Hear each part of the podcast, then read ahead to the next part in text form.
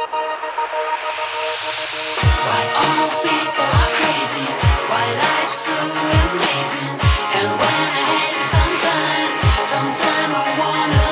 ja nazywam się Krzysztof Dziankowski i witam Cię w dziewiątym odcinku podcastu Naprawmy to w postprodukcji. W tym materiale, odcinku porozmawiamy o artykule, który natrafiłem kilka miesięcy temu.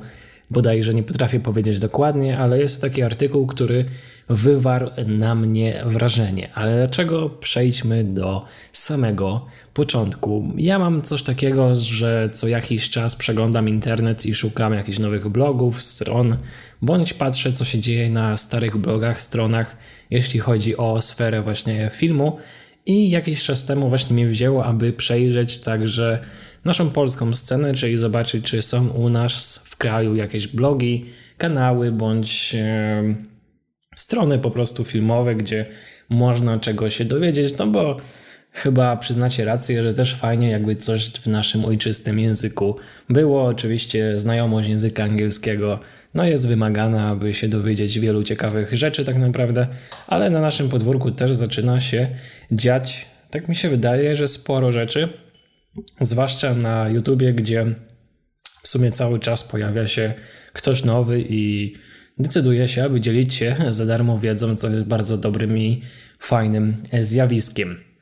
Jednak są też takie, może nie prehistoryczne strony, ale strony, które już istniały kilka lat wcześniej. I jedną z takich stron jest Motion Freaks. Jest to jakby taki magazyn, strona taka wokół filmowa, bardziej ukierunkowana właśnie w kierunku postprodukcji, czyli motion designu, i efektów wizualnych i na tej stronie są publikowane, znaczy były publikowane różne artykuły, jakieś newsy, także linki do ciekawych tutoriali, bądź przez jakiś czas był publikowany podcast bardziej graficzny, ale był. Jednak teraz, jak właśnie sprawdzałem, to już widzę, że nic w sumie od października zeszłego roku się tam nie dzieje, więc niestety raczej chyba ten serwis, jeśli chodzi o taki feed newsowy, E, pod umarł, jednak trafiłem tam na artykuł, który nazywa się i ma tytuł Jak Andrew Kramer zepsuł naszą branżę. I tak naprawdę ten artykuł po przeczytaniu go mógłby mieć wiele tytułów. Mógłby mieć równie dobrze jak poradniki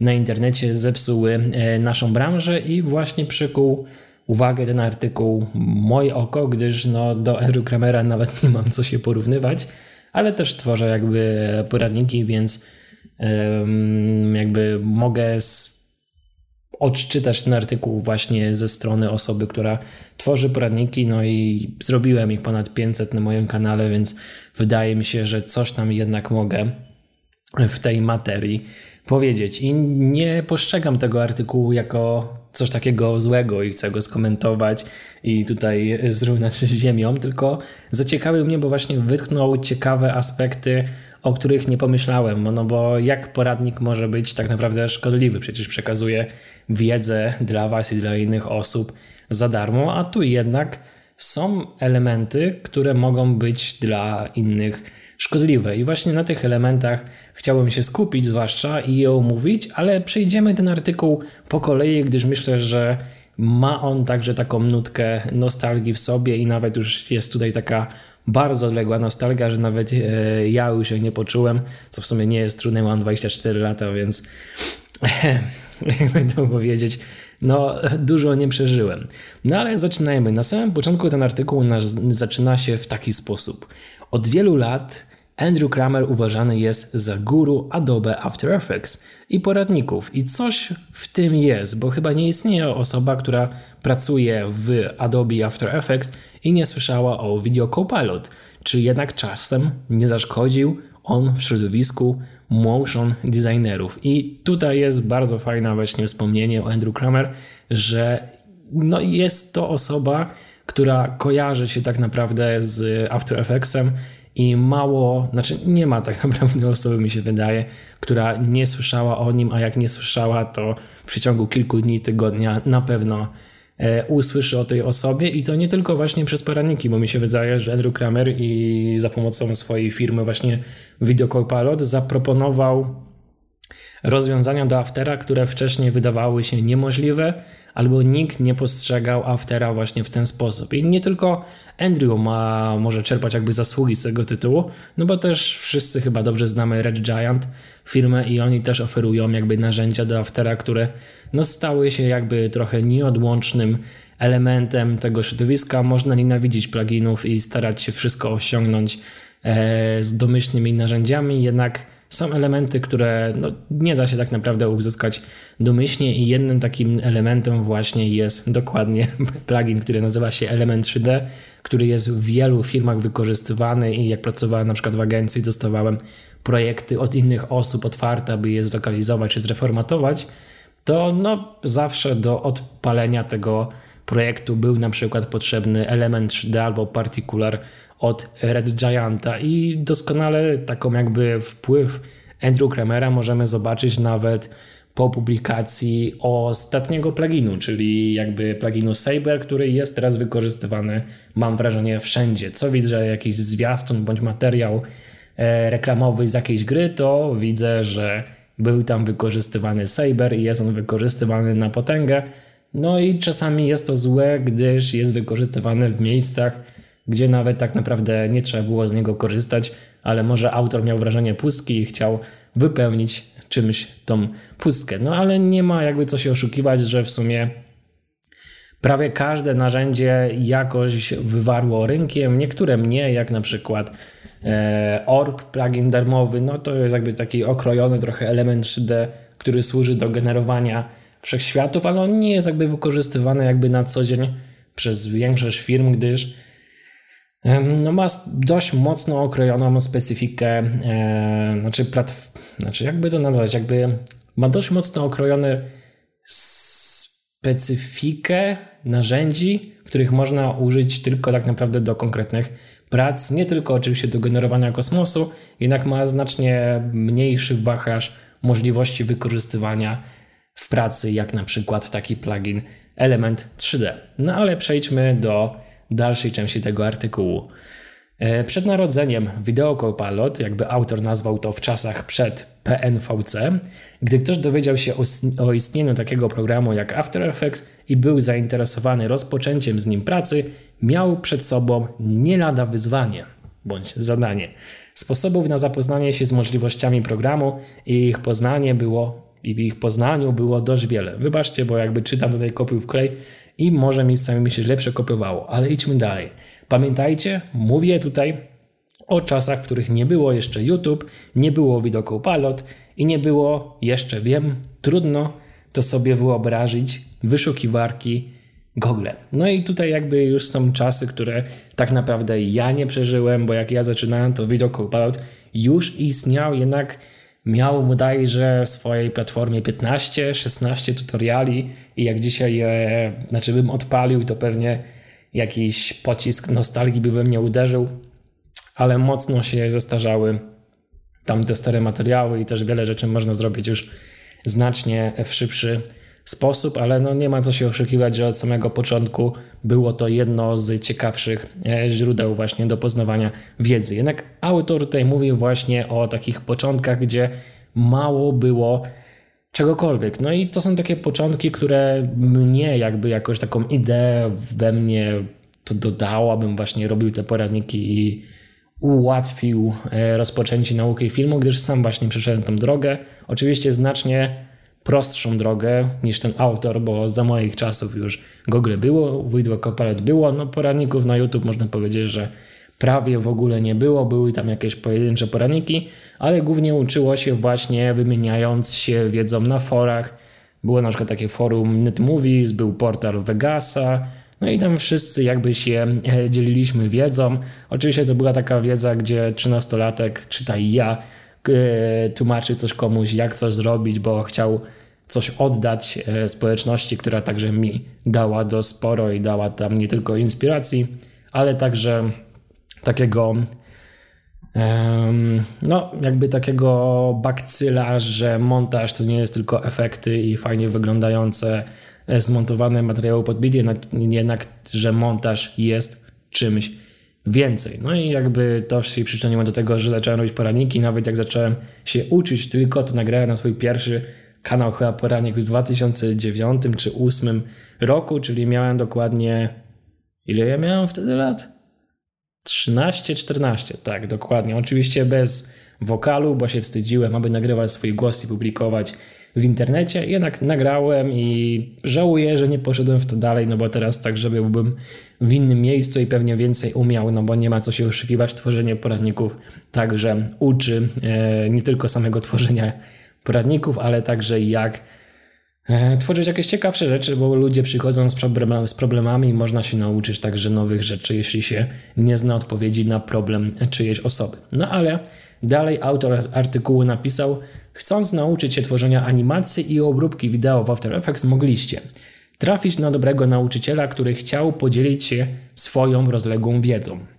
Zapoznać się z działem Help w programie, skorzystać z kursów krok po kroku na VHS, niestety nie były dostępne w Polsce i w języku polskim, dotrzeć do publikacji książkowych na temat After Effectsa, raczej niedostępne w Polsce i w języku polskim. No i nie ma co się oszukiwać, jak dalej autor napisał, że taki sposób edukacji był zdecydowanie bardziej pracochłonny, a wiedza była trudniejsza do zdobycia. Z biegiem lat pojawiło się jednak w sieci wraz z nim, wraz z nim wideo tutoriale, których najpopularniejszym twórcą dziedziny After Effects jest Andrew Kramer i Video Copilot.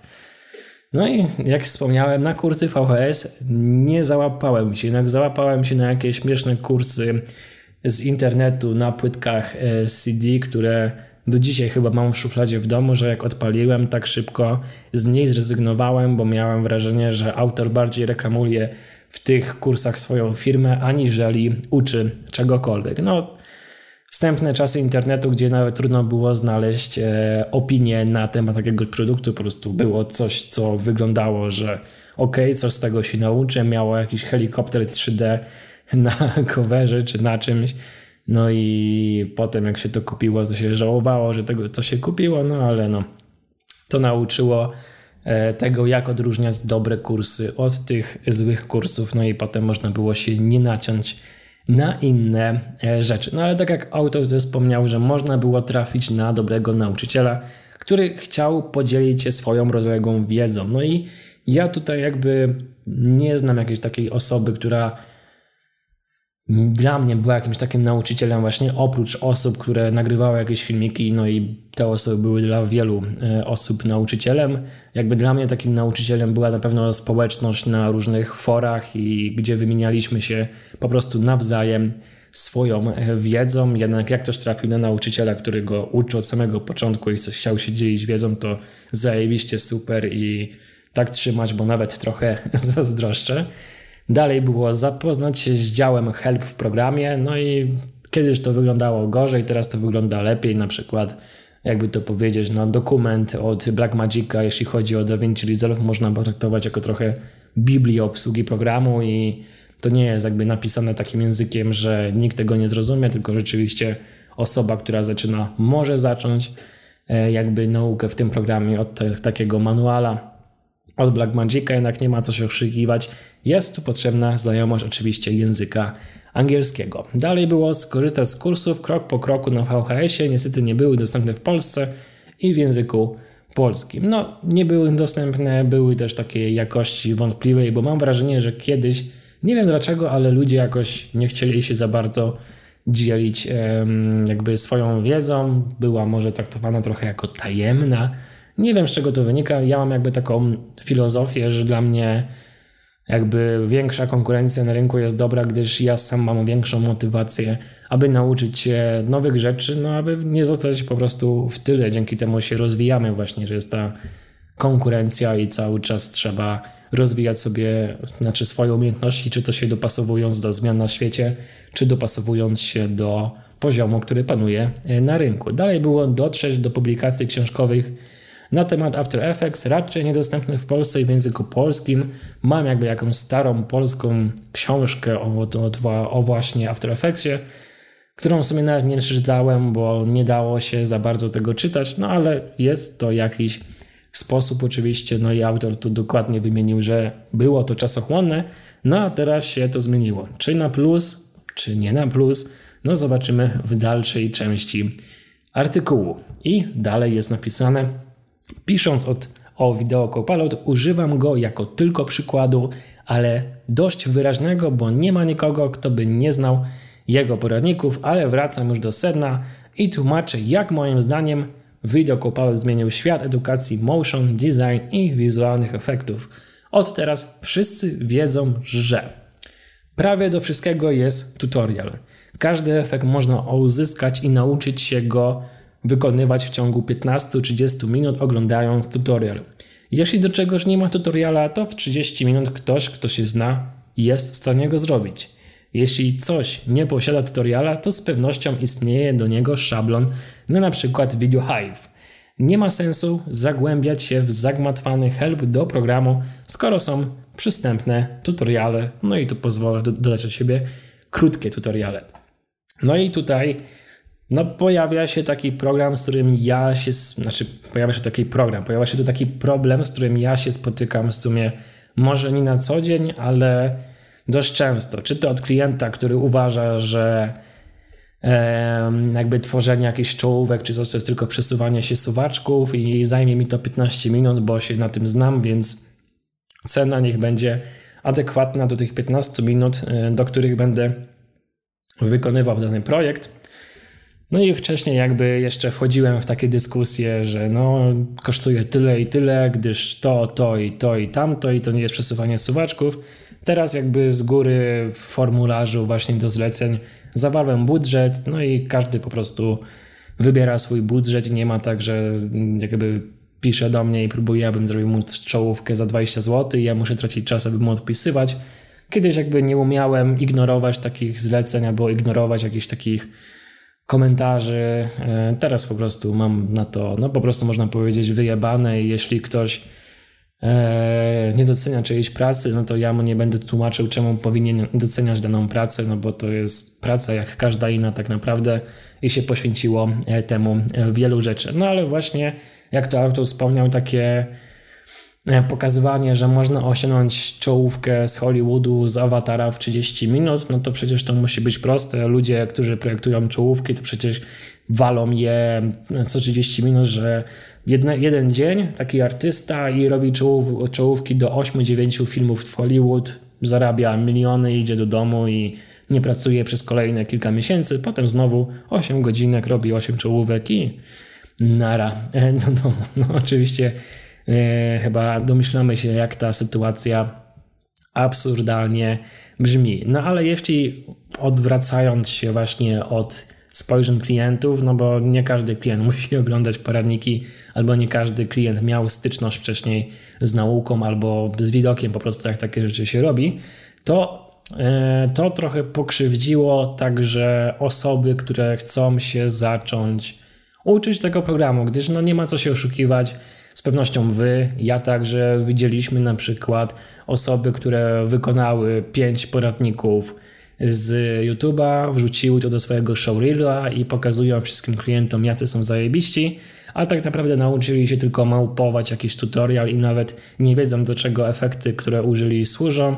Zrobili kopiuj w klej, bez żadnego wytłumaczenia no i wkleili to do swojego, jakby swojej oferty dla klientów, albo są też osoby, które kupują kursy. W kursach są oczywiście materiały robocze, robią jakąś na przykład animację, albo efekt, albo model 3D, który był e, przedmiotem przewodnim danego kursu i potem się chwalą, że to ich praca, ich pomysł i taki, tacy właśnie są zajebiści, że po pięciu godzinach kursu są w stanie zrobić taką piękną scenę ją zanimować. No co oczywiście nie jest prawdą, bo jeśli taka osoba by dostała od klienta jakiś brief, aby zrobić coś, i klient ma oczywiście swoją identyfikację wizualną, i potem taka osoba musi stworzyć coś, co będzie zgodne z identyfikacją. Nie ma poradników, które pokażą coś, co jest zgodne z jego identyfikacją, i no, co zrobić w takiej sytuacji, jak nie ma gotowego rozwiązania e, na klikanie,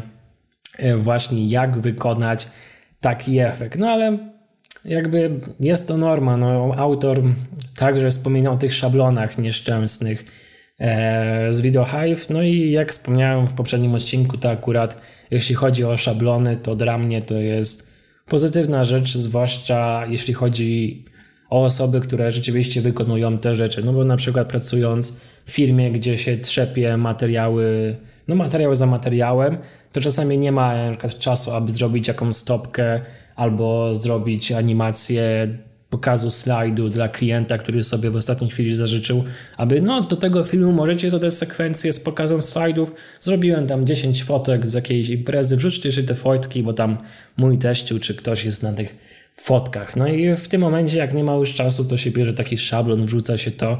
Czasami się po prostu zmienia kolory, dopasowując to właśnie, aby było bardziej spójne z materiałem bądź z identyfikacją, no i to znacznie przyspiesza czas. Więc jeśli jest szablon i są szablony, to ja naprawdę nie protestuję.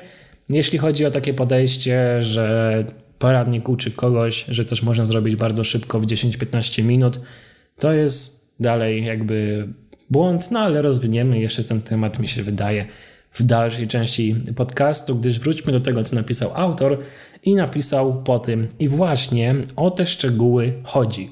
Poznając świat z poradników, mówię tu o poradnikach nastawionych na efektowny koniec, zapierający dech w piersiach wynik, poznajemy świat, w którym wszystko można zrobić w 30 minut i to bez żadnej głębszej wiedzy. Niestety nie jest to tak oczywiste i proste.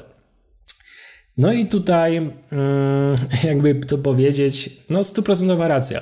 Eee, oglądając poradniki, które właśnie pokazują e, takie efekty, efektowne wyniki danego poradnika. E, mało osób zdaje sobie sprawę, że autor na przykład pierw wykonywał research, jak to zrobi, potem siedział w tym programie i szukał połączeń efektów, rozwiązań, które będą fajnie wyglądały. Coś mu nie wychodziło, to wracał, szukał czegoś od nowa, robił coś od nowa, próbował się zminimalizować ilość efektów, tak, bo na przykład może nie trzeba używać pięciu glow, można użyć na przykład glow tylko w jednym miejscu i jakby dzięki temu jakby skondensował wykonanie danego efektu do jak najprostszej formy dla formy jakby najprostszej formy do przyswojenia przez widzów i można odnieść wrażenie, że to jest proste, no bo przecież każdy tak robi, a nie ma co się oszukiwać, jak się robi coś na szybko albo robi się jakiś projekt,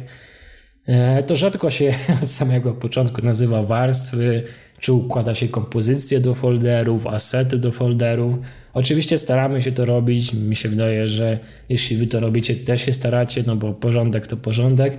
Jednak czasami są takie momenty, że na przykład testujemy jakieś rozwiązanie, nie wiemy, czy to będzie dobrze wyglądało, no i wrzucamy tam na przykład jakieś testowe ujęcia do Aftera, aby tylko zobaczyć, jak to będzie wyglądało. Potem się okazuje, że nie, jednak słaby pomysł. No i idzie się dalej i na przykład zapomina się wyrzucić z menadżera projektu tych materiałów, no i potem się sprząta oczywiście na koniec materiału, aby to, co jest niepotrzebne, nie było w tym materiale. No i taki właśnie burdel, bajzel w projektach jest normalny, no i przy tworzeniu poradników też twórca na początku testuje różne rozwiązania i czy coś nie będzie lepsze. No i to jest norma, a poradnik pokazuje już jakby ten właśnie finalny efekt. No i nie wszyscy na samym początku zwłaszcza mogą odnieść wrażenie, że jest to bardziej skomplikowane, a nie takie proste jak tylko widać na e, materiale. I dalej mi się też wydaje, że jest to trochę problem może oglądania, e, znaczy sposobu oglądania tych poradników, bo czasami właśnie dostaję wiadomości, że poradnik jest za szybki albo jest za wolny. No i oczywiście za każdym razem muszę tłumaczyć, że jakby aktualna szybkość poradników powstała przez to ostatnie 5 lat tak naprawdę.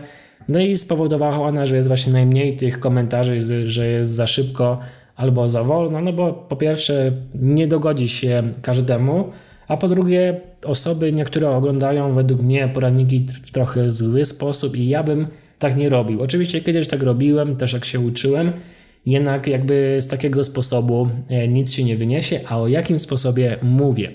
Jakby sposób oglądania poradników, że się odpala poradnik, widzi się jakąś funkcję, którą autor wykonuje, stopuje się, robi się to samo jakby w Afterze i odpala się dalej poradnik, ok, ok, klika tutaj, stopuje się, robi się to samo. No i po pierwsze, nie słucha się tego, co mówi autor, bo oczywiście nie w każdym poradniku, ale na przykład, nie wiem, w moich, czy są jeszcze jakieś oczywiście inne poradniki i autorzy, którzy podchodzą do poradników bardziej merytorycznie i w tych przerwach właśnie tłumaczą, co używają, dlaczego używają i do czego jeszcze można użyć tego efektu, aby uzyskać jakieś inne e, efekty końcowe danej rzeczy, no a osoby tylko małpują daną czynność, Potem dostają fajny efekt końcowy, no i się chwalą znajomym, jaką fajną czołówkę, meteoryt, efekt miecza świetnego zrobili, a już jakby musieli usiąść na drugi dzień sami do programu, to by nawet tego nie odtworzyli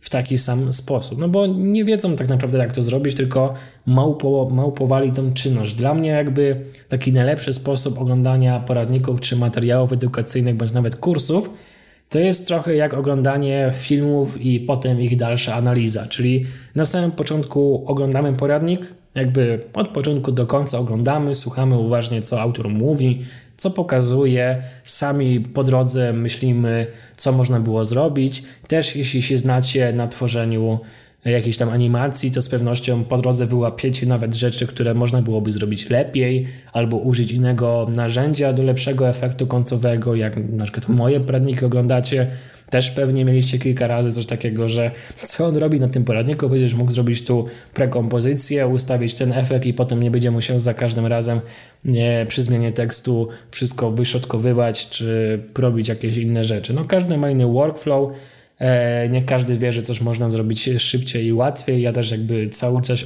cały czas uczę się jakichś nowych rzeczy i dowiaduję się, że na przykład coś można, można zrobić o wiele e, szybciej. E, no i to jest fajne, więc warto nawet takiemu twórcy potem w komentarzu napisać hej, ale to mogłeś zrobić tak i tak i tak i byłoby lepiej, dlatego że to i to i to.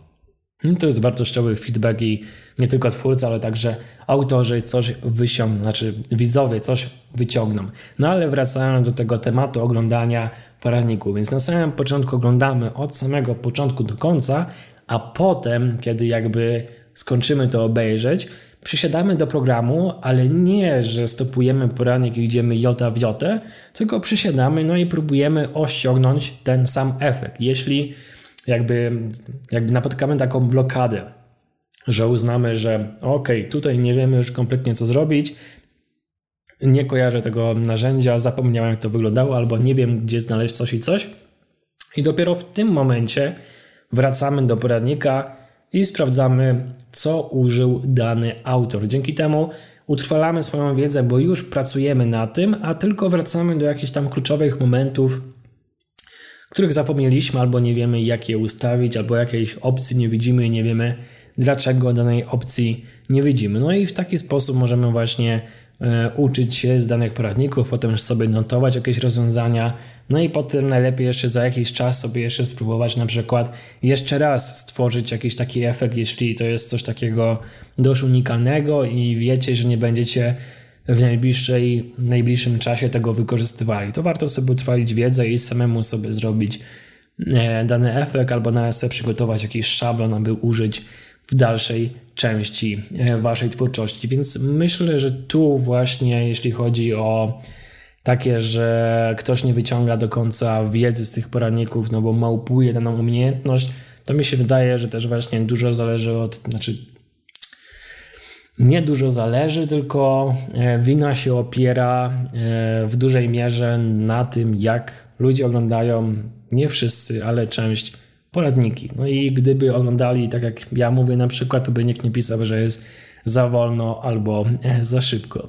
No i dalej autor wspomina jeszcze, że edukując się przy, przy pomocy publikacji książkowych, mówię tu o dobrych publikacjach książkowych autorstwa na przykład Trish Chrisa Meyerów, helpa przeglądania i uczestniczenia w życiu społeczności motion design i efektów wizualnych zyskujemy zdecydowanie więcej niż przy pobieżnym zetknięciu na fajny tutorial.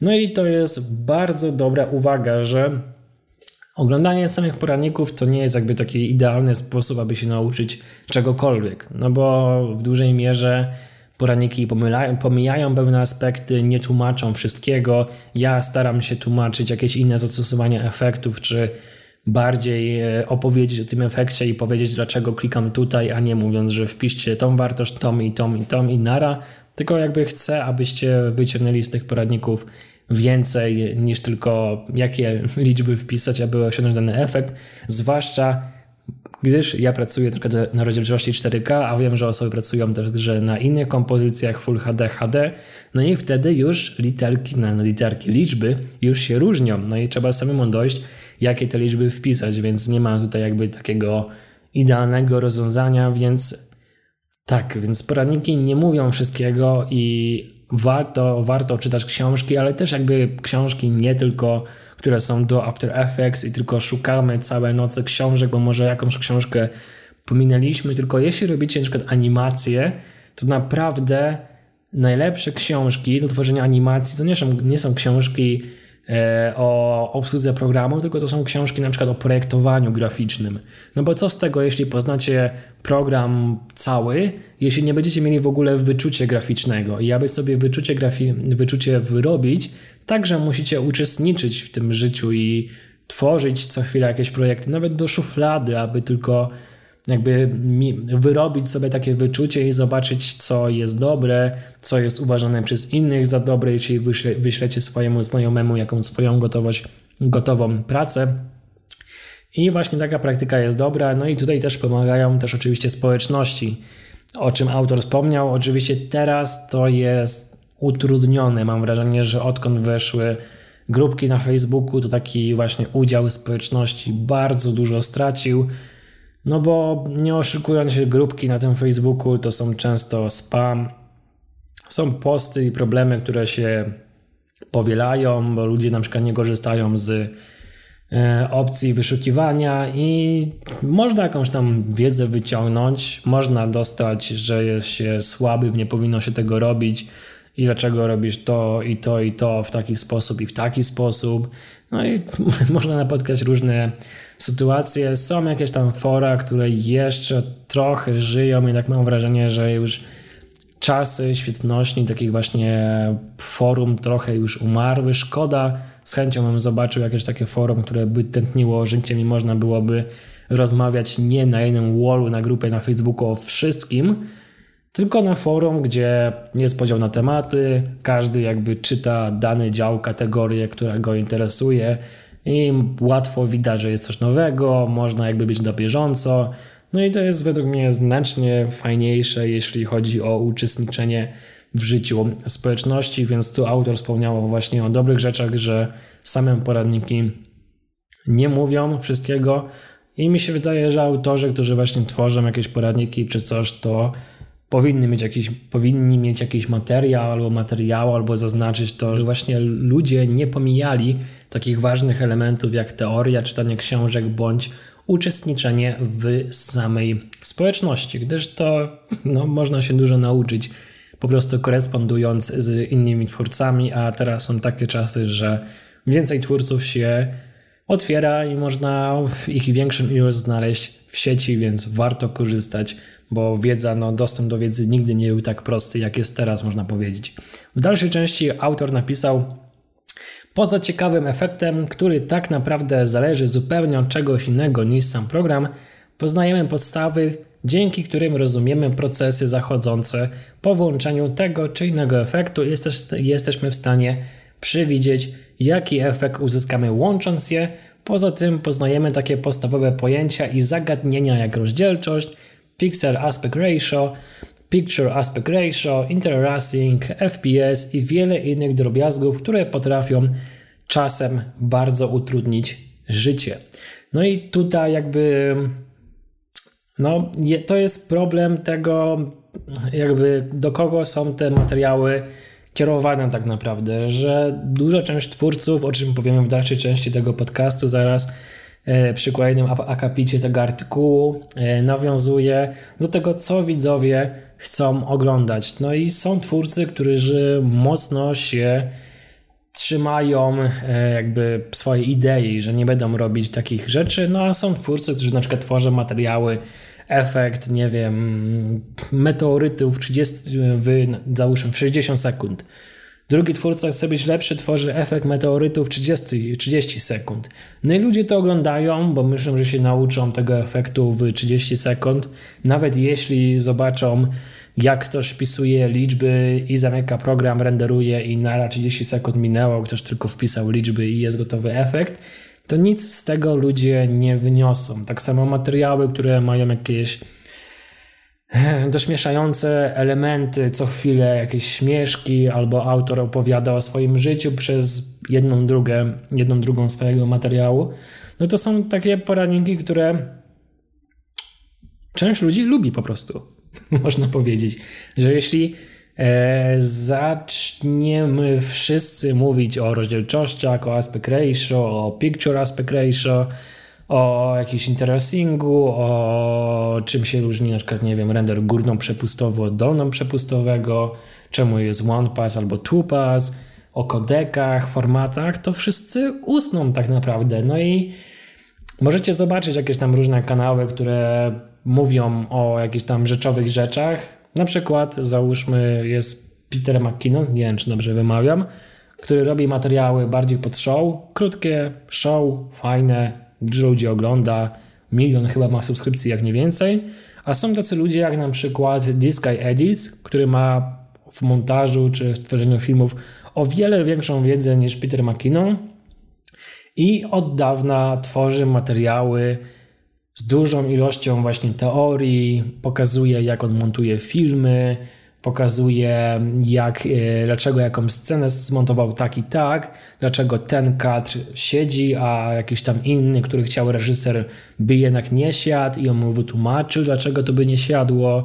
I on pokazuje jakby właśnie taką myślenie o montażu czy o tworzeniu filmów, e, tak aby efekt finalny był jak najlepszy i także widz zrozumiał to, co autor danego filmu chce pokazać, a nie pokazuje jakby, jakby rzeczy, które można zrobić w, nie wiem, w dwie minuty, w minutę i pokazuje bez jakiegoś większego kontekstu, tylko się próbuje zmieścić w tych ramach czasu, w których, które sobie narzucił, aby no, wyglądało to fajnie, aby się klikało, albo damy sobie na miniaturkę szokującą minę i powiemy, że efekt, którego nigdy nie zapomnisz. No i to się już klika, no ja to rozumiem, ale są ludzie, którzy jakby robią poradniki, w których właśnie takie rzeczy się znajdują, więc tutaj jest jakby, mi się wydaje, że już problem tego, co tak naprawdę kto wybiera e, do oglądania, bo można nie oglądać takich rzeczy, no i nikt nie będzie robił dalej takich rzeczy. No ale jak autor artykułu wspomniał, i tu się zgadzam, że wiele poradników pomija takie elementy, no ale sam dostaję czasami materiały, że zrób jakiś materiał, jak montować e, jakiś film w programie, bez jakiejś tam otoczki, jak on te poradniki, kompletne podstawy, gdzie tłumaczę, no każdy element, tłumaczę właśnie rozdzielczości, pixel ratio, tłumaczę interracing, tłumaczę klatki, tłumaczę, nie wiem, górną, dolną przepustowość, no i z tego wynika czas tego materiału, ale ja uważam, że osoba, która obejrzy ten materiał, wyniesie o wiele więcej niż z poradnika 15-minutowego, gdzie wrzucę film na timeline, no i osoba, która nigdy nie montowała, będzie skanowała oczami w ogóle, co ja tu robię, skąd to się wzięło, jak to zaimportować. No i okej, okay, no może coś tam wrzuci, połączy i wyeksportuje, jednak nic więcej z tego materiału nie wyniesie i tak naprawdę można powiedzieć, że niczego się nie nauczy. No ale autor dalej wspomniał, że Dodatkowo w większości tutoriali nie ma ani słowa o samym pomyśle i poszukiwaniu drogi do jego realizacji, po prostu mamy efekt i jak po sznurku jego realizację, gdzie w tym, miejsce, gdzie w tym miejscu jest na kreatywność. Czytając odpowiednie książki, czy żyjąc w społecznościach związanych z branżą, uczymy się kreatywnego myślenia i takich podstaw jak kompozycja, perspektywa, typografia i design. No i to jest właśnie to, o czym wspomniałem przy This Edit, czyli przy tym twórcy, który robi bardziej takie materiały rozbudowane.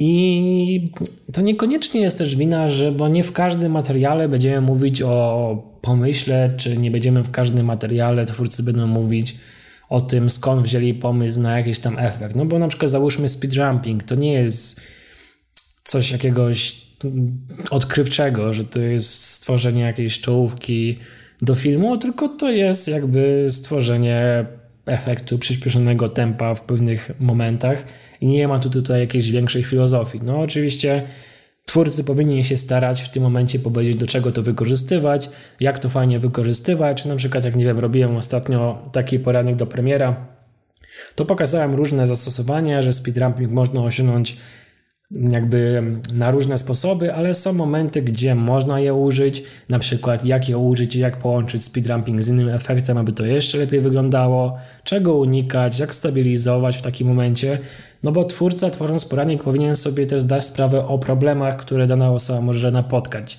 Czyli załóżmy, że zrobiłem ten poradnik o speedrumpingu, Ktoś go zrobił, potem chce wystabilizować, no i nie może, bo wyskakuje mu komunikat, że nie może połączyć tych efektów i nie wie o co chodzi i już tworzy kolejny wątek, których jest miliardy na grupach na Facebooku. Dlaczego nie mogę narzucić efektu stabilizacja, nakłada efekt, no i ktoś po raz milionowy raz pisze w komentarzach wrzuć nest. Tak, ja już też chyba na setki takich wiadomości odpisałem na kanale i to nie jest wina tych osób, które oglądają ten poradnik, że tego nie ma. Tylko no tutaj autor ma rację, że to już jest wina właśnie twórców poradników, że nie tłumaczą może nie tyle co pomysłu, ale nie myślą też niedługoterminowo, po prostu nie myślą o problemach, które ktoś może napotkać. I warto się starać, więc jeśli wy chcecie robić na przykład poradniki, do czego was serdecznie zachęcam, bo nadal jest ich za mało i mogło być by o wiele więcej, no i fajna społeczność by była oczywiście, bo więcej byłaby większa różnorodność, większa może nie konkurencja, ale po prostu można byłoby się od siebie nawzajem po prostu uczyć. No i tak, no i warto po prostu myśleć o tym, aby poradnik nie trwał jak najkrócej, aby oglądalność się zgadzała, no bo tworząc poradniki raczej nikt nie chce mieć jakiejś wielkiej oglądalności, znaczy każdy chce mieć wielką oglądalność, tylko tworząc poradniki każdy powinien sobie zdać sprawę, że to nie jest temat jak lifestyle modeling e, czy inne tematy, że to będą milionowe wyświetlenia. Można oczywiście zrobić jakieś materiały, które będą mieli, miały większe wyświetlenia, opowiedzieć coś o filmie, coś bardziej takiego także dla osób spoza świata na przykład postprodukcji, które, które obejrzą, bo będą fajnie wyglądały i fajnie zaprezentowane. Jednak jeśli się tworzy takie czysto techniczne materiały, to one nie będą miały jakiegoś multum wyświetleń, no i po co jakby mm, kosztem nie wiem, 15 tysięcy wyświetleń nie opowiedzieć o jakimś ważnym elemencie, który by widzowi ułatwił życie, by nie musiał zadawać setnego pytania o Nest na grupach czy na forach. No ale przejdźmy już do kolejnego fragmentu, bo w tym myślę, że się zgodzimy, że no poradniki mają formę, jaką mają formę i to się raczej nie zmieni, tylko mam obawy, że będzie jeszcze gorzej i będą poradniki szły do jak najbardziej skondensowanych mm, materiałów, materiałów kliknij tu, kliknij tam. Ale autor napisał, Reasumując, muszę z przykrością stwierdzić, że tutoriale, np. na Video Copilot, mimo że bardzo czasem ciekawe i może w niektórych momentach pouczające, dla bardziej zaawansowanych użytkowników raczej oduczają myślenia i szukania własnych dróg dojścia do celu oraz wyznaczania sobie własnych celów. Po co myśleć, skoro mamy tutoriale? Nie zrozumcie mnie źle, ten artykuł nie jest globalnym bojkotem Video Copilot i innych tego typu marek. Jest on raczej rodzajem przestrogi i próbą zrozumienia, dlaczego w naszej branży jest tak źle, skoro powinno być tak dobrze. Pisząc o branży, mam tu na myśli branżę społeczności motion design, gdzie znikają kreatywne dyskusje oraz wspólne próby rozwiązywania problemów i są zastępowane przez niezliczone pytania typu gdzie jest przycisk zrób mi animację, jaką sobie wymyśliłem. No i co dodać do tego? Dobrze, że, że autor zaznaczył, że nie jest to bojkotem jakby samych poradników, tylko, znaczy samej branży, tylko bardziej społeczności, że ta społeczność trochę umiera i nie ma jakby takiej komunikacji między ludźmi i próby dotarcia do jakiegoś efektu. No i po tym fragmencie sam się trochę poczułem winny, no bo mam 500 poradników na kanale, więc też z pewnością no po prostu niektóre oduczyły myślenia albo dały coś na tacy i ktoś zmałpował efekt i poszedł tak naprawdę dalej. I tu mi się raczej wydaje, że to właśnie zależy od twórców, aby twórcy w tych poradników poradnikach, jak w moich, nie powiem, że wszystkich, ale w większości staram się właśnie dodać otoczkę, tłumaczyć efekt, nie oferować materiałów stricte kopiuj w klej. Ale taką jakby podstawę tego problemu, e, przez który właśnie mamy ten problem, który mamy teraz, wydaje mi się, że nie leży w twórcach Video Copilot czy innych twórcach oferujących poradniki. Bardziej mi się wydaje, że to wynika właśnie z, z, z tego, że każdy dąży za jakąś tam lepszą statystyką. I jeśli mm, ja na przykład wejdę na kanał i zobaczę, że mam materiał jakiś prosty, pięciominutowy o speedrumpingu, ma on, załóżmy teraz, załóżmy dajmy na to 3000, 5000 wyświetleń, no i widzę, że on się dobrze ogląda, mimo że był niedawno opublikowany, a mam materiał półtora godziny, dwugodzinny o tym, jak zrobić zaawansowaną czołówkę, na przykład fit film, gdzie tłumaczę, dlaczego to zostało użyte, jak to zostało użyte, jak to można inaczej użyć. No i to jest dla mnie taki sygnał. Jakbym był normalnym twórcą, który jakby nie robił tego z tego powodu, co ja ro robię od początku, czyli chcąc udostępnić wiedzę, która wcześniej była dla mnie trudno dostępna, to mógłbym robić poradniki, których jest setki na YouTubie i nic nowego do nich nie dodawać. Robić je 3-4 minuty, koniec do domu. No i z takich materiałów nic za bardzo nikt by ciekawego nie wyniósł. Nie wyniósł. No ale jak spojrzycie na, na przykład na kartę na czasie na YouTube, to te materiały tam są coraz gorsze. Jakby twórcy się prześcigają, kto zje większe obrzydlistwo. Pewnie gówno już to zjadł. Nie wiem, czy to jest na YouTubie. Nawet nie chce mi się szukać, ale mi się wydaje, że ktoś już jakby do takiego poziomu doszedł. Czy na przykład wykąpałem się w wannie z setką żab, drugi się wykąpał w wannie z tysiącem kleszczy, trzeci zjadł te kleszcze potem. No, takie tematy można się spodziewać na czasie, no i to są tematy, które szokują, które mają fajną miniaturkę i chce się je oglądać. YouTube je proponuje, bo czas oglądania jest duży, więc jest więcej reklam, więcej na tym zarobią. I twórcy się prześcigają, no bo z tego jest jak największa kasa. No i w jakby ludziach, twórcach, którzy tworzą materiały edukacyjne filmu, jest też sporo osób, które chcą po prostu na tym zarobić. Więc jak zrobię jakiś materiał, który ma jakąś czysto teoretyczną, solidną wiedzę o kodekach, i materiał się składa w taki sposób, że ktoś tam mówi, no tu mamy H264, on się różni tym, tu mamy H265, on tym, tu mamy nowy kodek H265, a tu mi kolega powiedział o VP, od VP9, tutaj mam jakiś kodek DNX HD, tu mi korzysta mój znajomy z Cineformu, no i tak napieprza przez cały materiał i ktoś to ogląda i tak, Jesus, o czym on mówi? Ja to sobie odpalę materiał nie wiem, no, załóżmy speedruppingu, już tym, że ten speedrupping się pojawia tu milion razy. No ale dobra, no ale ktoś jakby tak słucha tego materiału, no i to jest materiał, który no, nie ogląda się dobrze. Ja na przykład mam taki materiał na kanale, który jest o nodach w DaVinci. No i na samym początku, jak go opublikowałem, to oczywiście no, część osób doceniła, no bo jednak zrozumienie nodów zawsze na początku, no to jest nie wyzwanie, zwłaszcza jak się pracowało w programie w stylu After Effects, gdzie tam się bazuje na warstwach, a nie na nodach, jak w Fusion na przykład, bądź w DaVinci, czy w Nuke.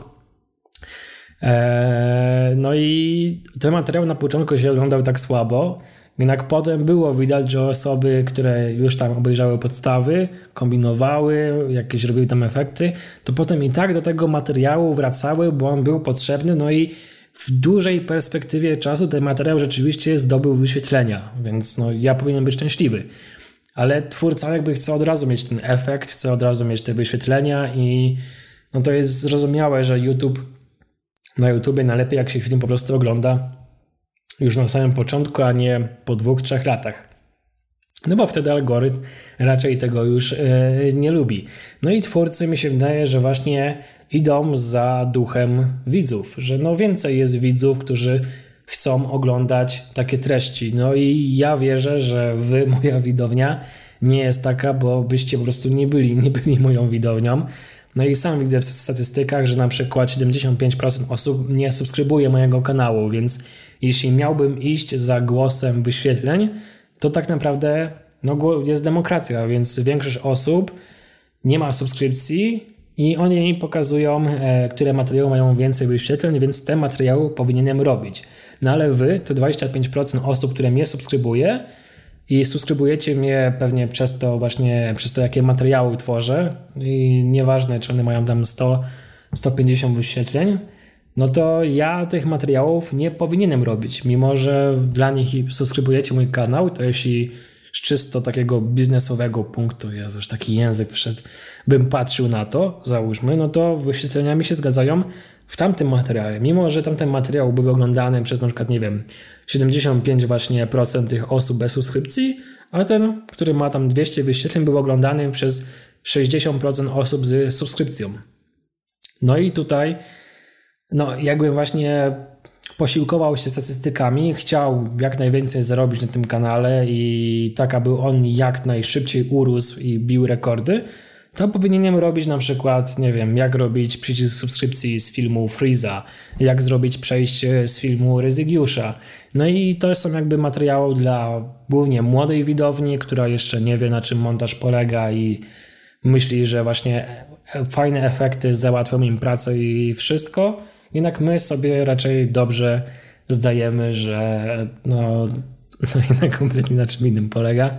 Już nie chcę tutaj jakby e, rozgadywać się na ten sam temat, więc mi się wydaje, że problem z właśnie społecznością branży na maleje i tak dalej nie wynika właśnie ze samych poradników, tylko wynika z tego, jak się świat zmienia i to, że kiedyś, jak się publikowało materiały edukacyjne, czy robiło się cokolwiek, no to nikt się nie spodziewał jakichś zarobków, czy nie, nie, nie było jakiejś mody na montaż, no bo teraz jest jakaś moda, że każdy youtuber ma swojego montażysty, każdy się pyta, czy ktoś chce być montażystą tego i tego, czy ktoś jest tym montażystą tego i tego, sam dostałem jakieś pytania, czy jestem montażystą tego i tego, czy chcę być montażystą tego i tego, no i dla mnie to nie jest no, jakbym potrzebował pracy, no to okej, okay, no to mogę to robić, ale to nie jest dla mnie jakieś tam nie wiem, osiągnięcie być jak montażystą jakiegoś youtubera czy czegoś. Dla mnie osiągnięciem jest stworzenie, zmontowanie jakiegoś fajnego filmu, który, którzy ludzie to obejrzą, albo pracować przy dużych projektach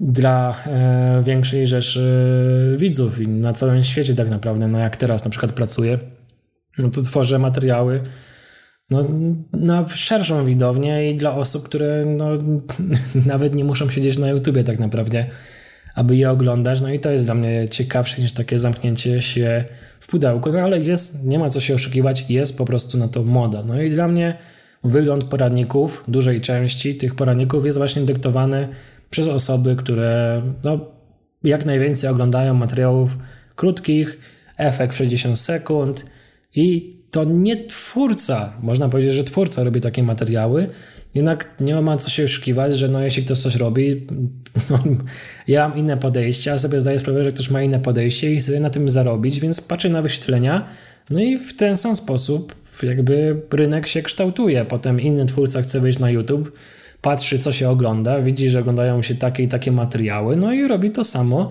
aby się wbić w ten sam nurt. Więc y, mi się wydaje, że poradniki i Pilot w skrócie zrobił więcej dobrego i robią więcej dobrego niż, e, niż to, jakby ich nie było, bo jakby ich nie było, to no, nie bylibyśmy tu, gdzie teraz i by techniki właśnie tworzenia animacji bądź filmów po prostu byłyby e, o wiele dalej w tyle. No a teraz jesteśmy bardziej do przodu i to dzięki nim, więc ja jestem im wdzięczny i tak naprawdę, aby to się zmieniło, to trzeba byłoby zmienić tak naprawdę postrzeganie materiałów przez niektórych widzów, przez 75% osób, które nie subskrybuje mojego kanału. Nie no, żartuję. Wszystkich lubię, wszystkich szanuję. No i tak, no po prostu wygląda to przez to, jak ludzie oglądają materiały. No, no to, tak to wygląda, no, demokracja, no, większość wybiera i tak to mamy, więc ja mam nadzieję, że to się zmieni. Mam, mam takie marzenia właśnie zbudowanie z naszej społeczności fajnego miejsca. Niedługo właśnie będę ogłaszał jakieś nowości, które mam nadzieję to zmienią. Myślę, że skorzystają głównie osoby, które są z Wrocławia, ale mam nadzieję, że takie odłamy pojawią się też w innych częściach Polski taka inicjatywa. No, będę teraz się rozgadywał i nie mówi, nie mówi wam o co chodzi, więc marnuję was już czas. Pewnie uciekacie do jakiegoś innego podcastu albo robić coś innego, więc e, no tak, zakończmy na tym etapie. Ja już to się po prostu potrzebowałem porozmawiać z kimś dzisiaj, znaczy porozmawiać po prostu z mikrofonem, a wy to słuchacie. Także ten, ja wam życzę miłego dnia, miłego popołudnia, miłego wieczoru, dobrej nocy. Dziękuję Wam za odsłuchanie tego odcinka podcastu. No i co? Do zobaczenia wkrótce. Znaczy, do usłyszenia wkrótce. Cześć.